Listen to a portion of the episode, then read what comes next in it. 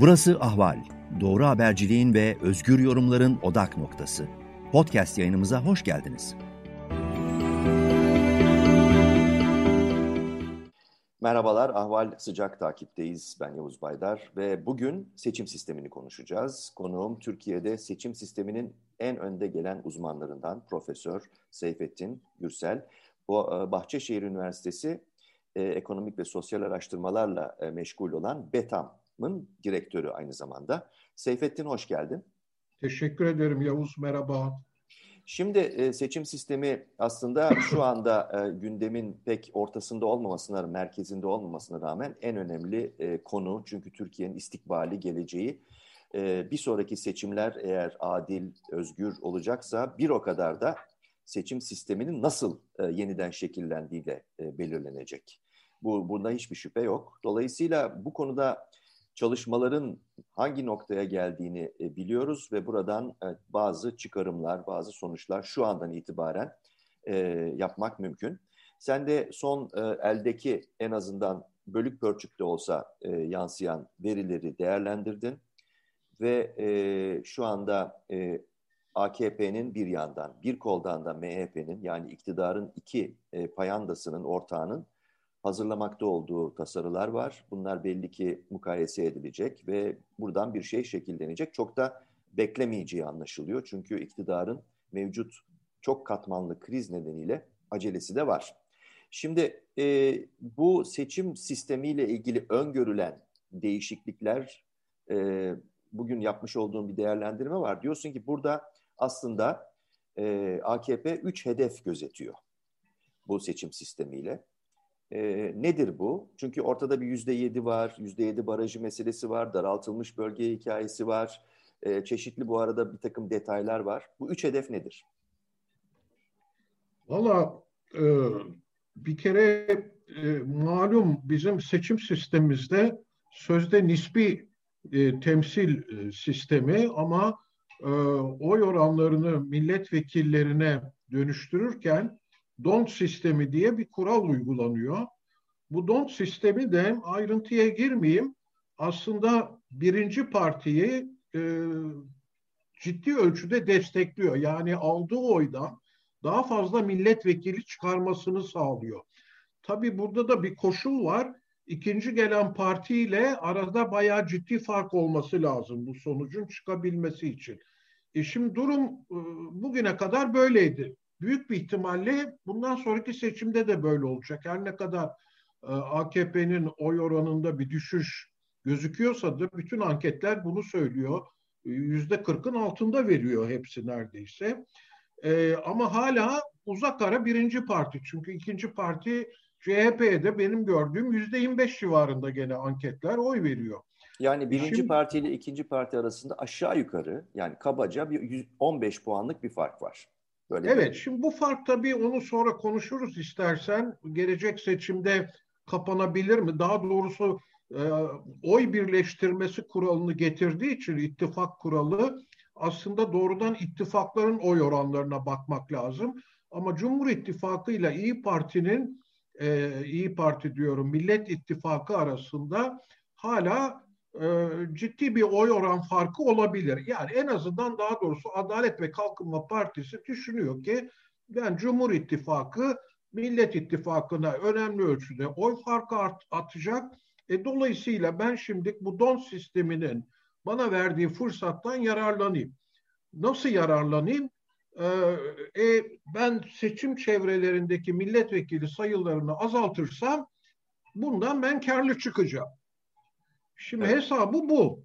Onun için de bence e, önerisinin seçim sisteminde e, yapmak istediği değişikliğin en önemli unsuru bu yedi milletvekiliyle sınırlamak seçim çevrelerini.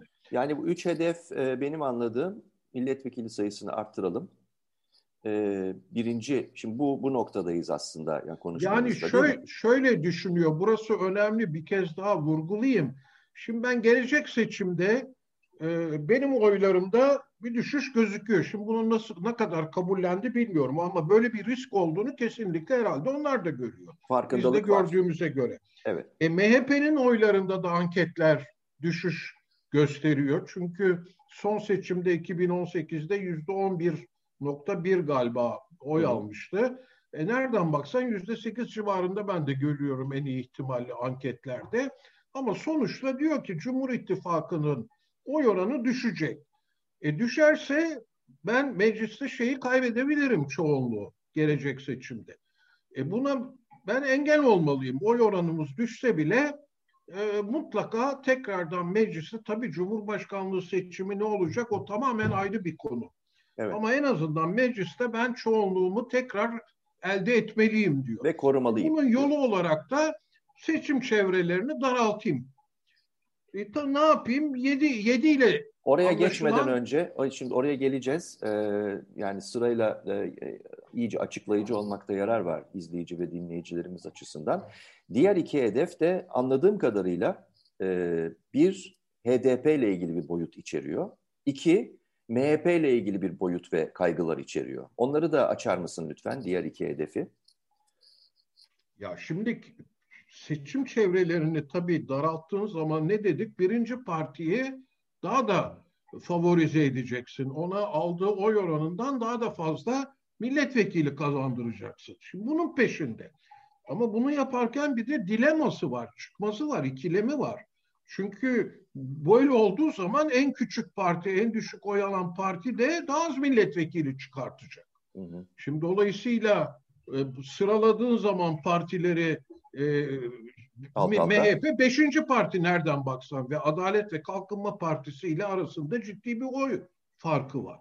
Şimdi böyle olunca MHP bundan zararlı çıkacağı kesin. Ben yazımda onunla uğraştım. Ee, acaba dedim MHP ne kadar milletvekili kaybedebilir eğer seçim çevreleri 7'ye indirilirse? Tabii şunu da belirteyim. Aşağı yukarı bu seçim çevresi değişikliği 17 artı 4 büyük ilde olacak. Yani 21 ilde ama bunların tabii çıkartacağı milletvekili sayısı çok sayıda. Lafı uzatmayayım, ayrıntılara da girmeyeyim. Yazıda ayrıntılar var.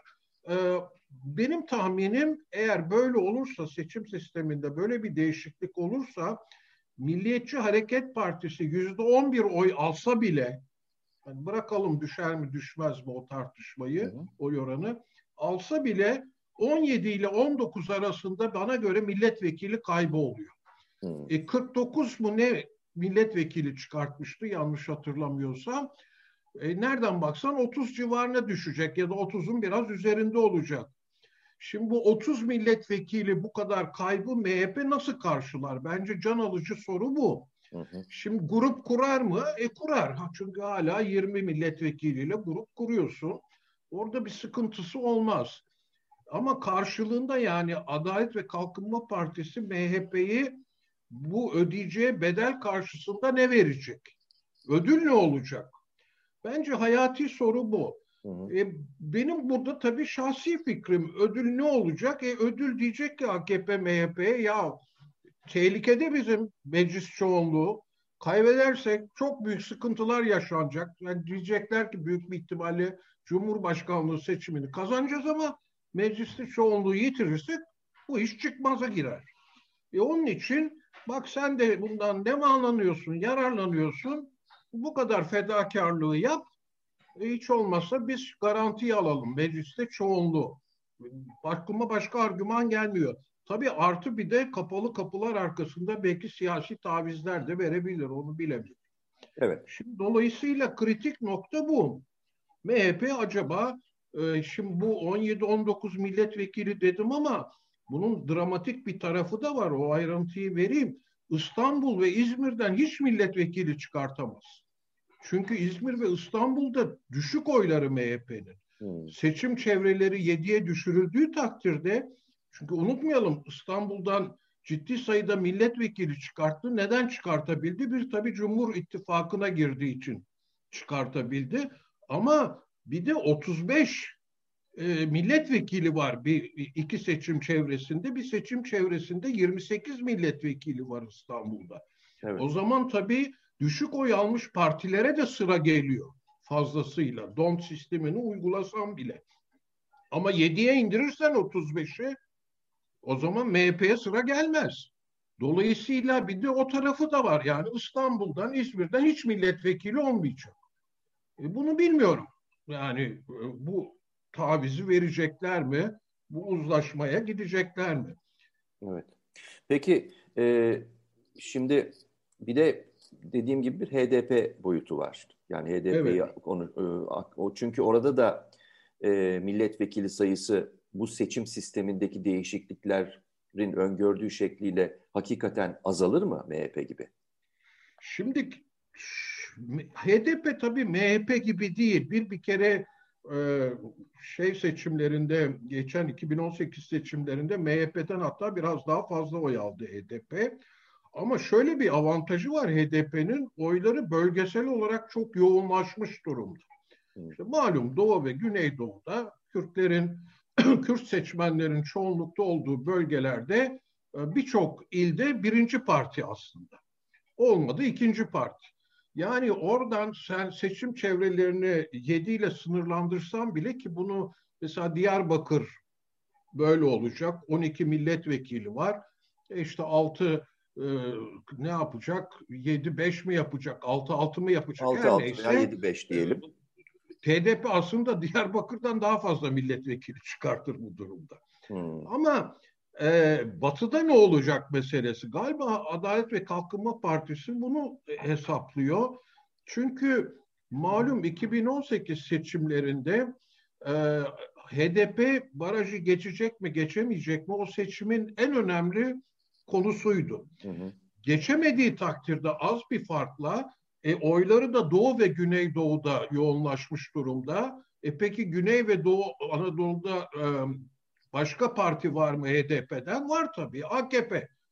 Başka partide yok. Bu ikisi çıkartıyor milletvekillerini. Evet. E geçemeseydi ne olacaktı? Neredeyse tümünü, neredeyse diyorum, tümünü bu illerin e, milletvekillerinin tümünü AKP'ye gümüş tepside sunulmuş olacaktı. Şimdi bunu gören seçmen de özellikle batıda dedi ki ben bu sefer hani HDP ile belki tamamen fikir değilim. Birinci tercihim bu değil.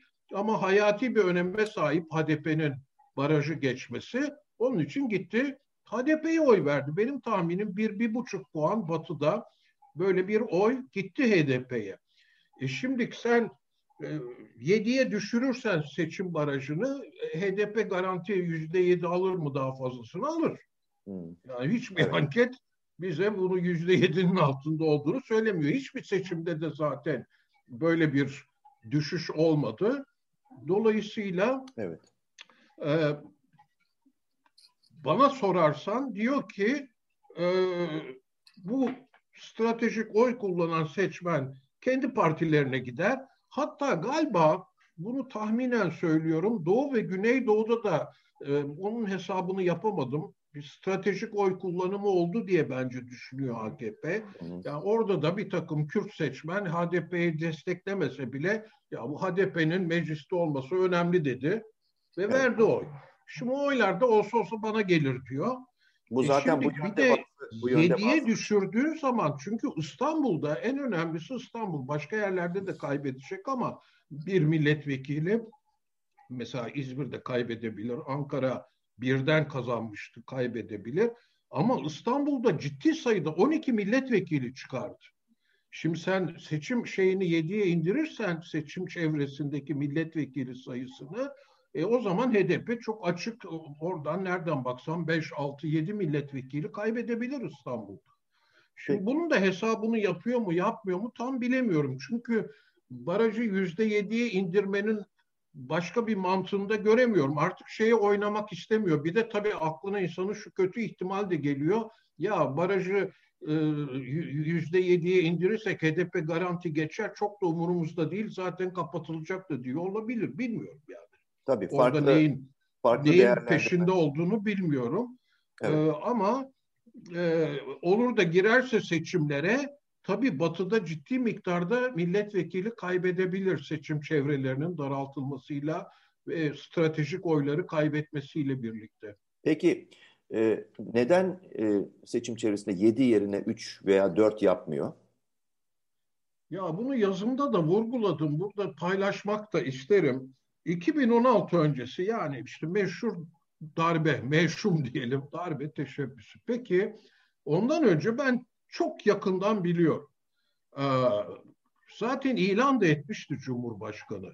Demişti ki bu seçim sistemiyle böyle olmaz. Ya dar bölge yapacağız ya daraltılmış bölge. Hı hı. Bunu neden yapmak istiyordu? Hatta bir takım hesaplar da yaptılar. Bunu da biliyorum.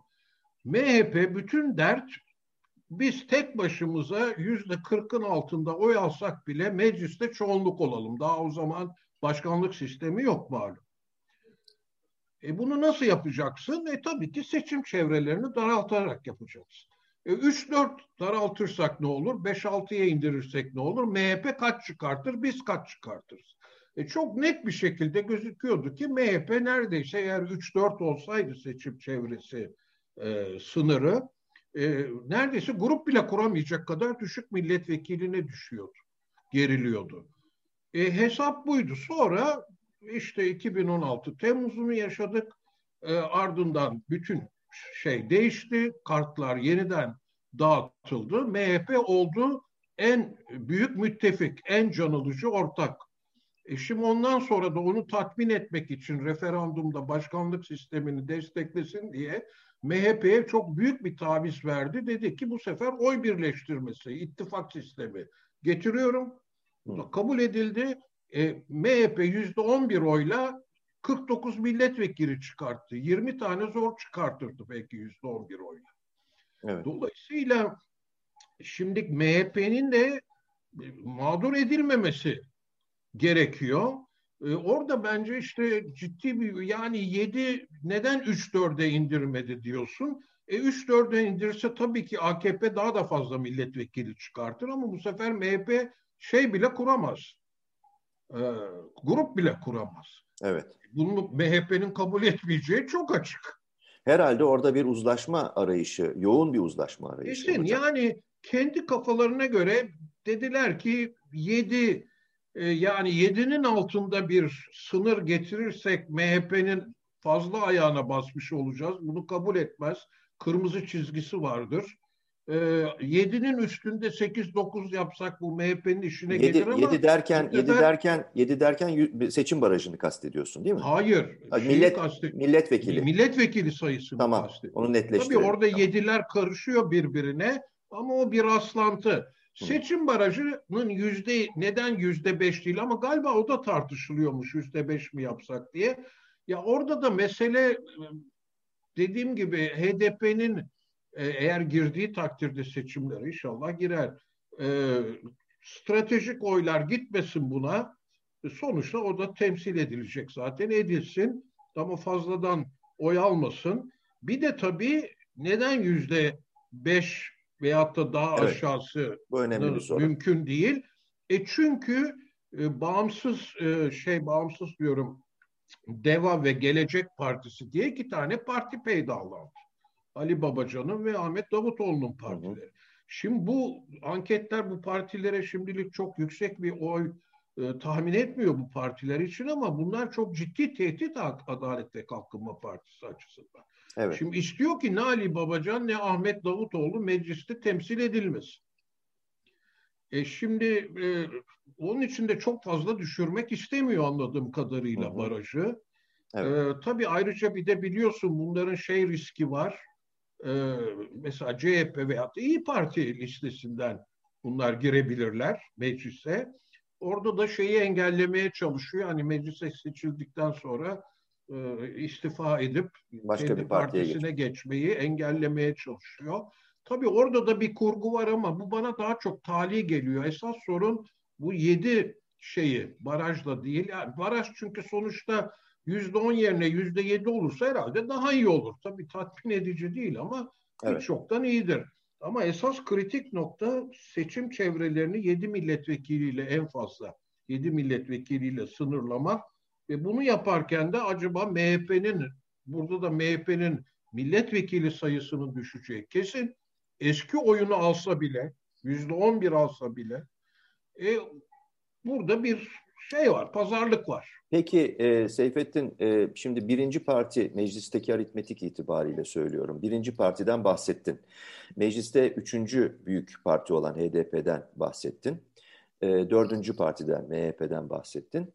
E, bir de bütün bu çizdiğimiz tablo içerisinde e, CHP ve İyi Parti'nin e, durumu ne? Kısaca onu da nasıl gördüğünü anlatır mısın? Ya tabii e, malum e, yüzde ona çok yakın bir oy almıştı İyi Parti. Şeyde CHP'de yüzde 23, 10 23 diyelim 33. E, öbürküler aldı. Biri 46, öbürü 11. E, e, 50'nin e, bayağı üzerindeki yok 42 aldı biri. 42 buçuk galiba AKP. İşte 11 biri. Ne ediyor? E, yüzde 53. Şimdi 33 ile 53 arasında 20 puan fark var. Şimdi bu farkın kapanmasından endişe ediyor Adalet ve Kalkınma Partisi. Kapandığı takdirde de diyor ya kapandığı dediğim diyelim ki 15'e düştü. Öyle yapalım ki işte onu açıkladım bir daha tekrarlamayayım. Seçim Yok, hayır. çevrelerini dağıt, daraltarak biz gene mecliste çoğunluk oluruz diyor. Hesabı bu. Ama tabii e, evdeki hesap çarşıya da uymayabilir. Çünkü anketler İyi Parti'de çok ciddi bir e, seçmen desteğinde artış öngörüyor. Olacak mı olmayacak mı bilmiyoruz. Benim gördüğüm yüzde on üçten aşağı düşmüyor yani. Şu anki trend öyle gözüküyor. E, CHP de 25 olsa oldu ikisini topla e, yüzde 38 öbürkü de düşecek yüzde 40'lara. Evet. E, o çok daraldı. E, daraldığı zaman da bu 7 ye indirdiğin zaman her yerde birinci parti değil ki Adalet ve Kalkınma Partisi. Evet. E o zaman ne olacak? E o zaman evdeki hesap çarşıya uymayabilir.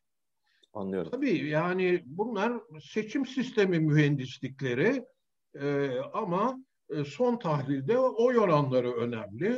E, onun için tabii burada da bir süspens yaşanacak milletvekili evet. seçimlerinde. Peki an itibariyle e, eldeki veriler e, işte sızan bilgilere göre durum bu. E, evet. Bu tabloyu çizmiş olalım. Bir nokta daha var tabii. Bütün bu değişiklikler meclisten e, geçmek zorunda. Zaten e, bugün yine MHP lideri Devlet Bahçeli'nin yapmış olduğu açıklamaların bir noktasında e, çok net bir e, yani seçim tarihinde yapılacak kimse heveslenmesin vurgusu var. Bu vurgu sürekli olarak geliyor. Hem Bahçeli'den hem Erdoğan'dan.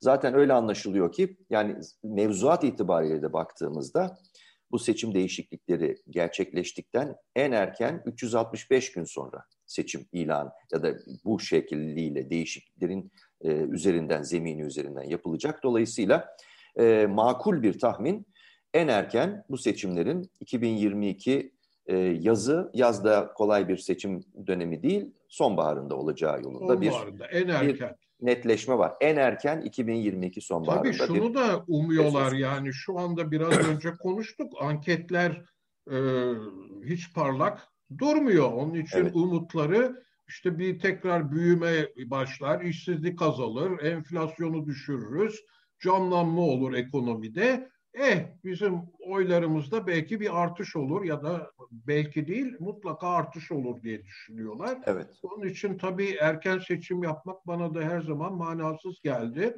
Bir de artı dediğin gibi yani bu seçim sisteminde değişiklik kesin yapacaklar.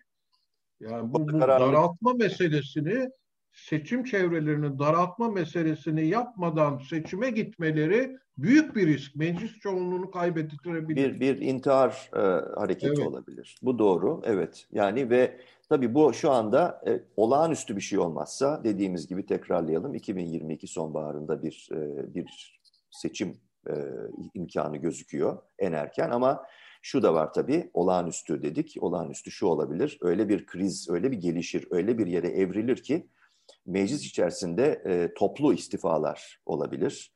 Meclis aritmetiğinin, ittifakın, Cumhur İttifakı'nın aritmetiği darmadağın olabilir. O zaman evet. tabii e, seçimin erkene çekilmesi ihtimali her zaman var. Çünkü anlaşıldığı kadarıyla e, AKP'de de, MHP'de de, teşkilatta e, artan bir huzursuzluk var. Biz ne yapıyoruz e, bu ittifak içerisinde huzursuzluğu? Ortak bir huzursuzluk. Bakalım, göreceğiz. E, bu değerlendirmeyi bu noktada e, bırakalım, e, noktalayalım daha doğrusu. Profesör Seyfettin Gürsel, Bahçeşehir Üniversitesi BETAM bölümü direktörü. Çok teşekkürler e, bu Ben teşekkür ederim. Seyfettin. İyi çalışmalar. Hepimize.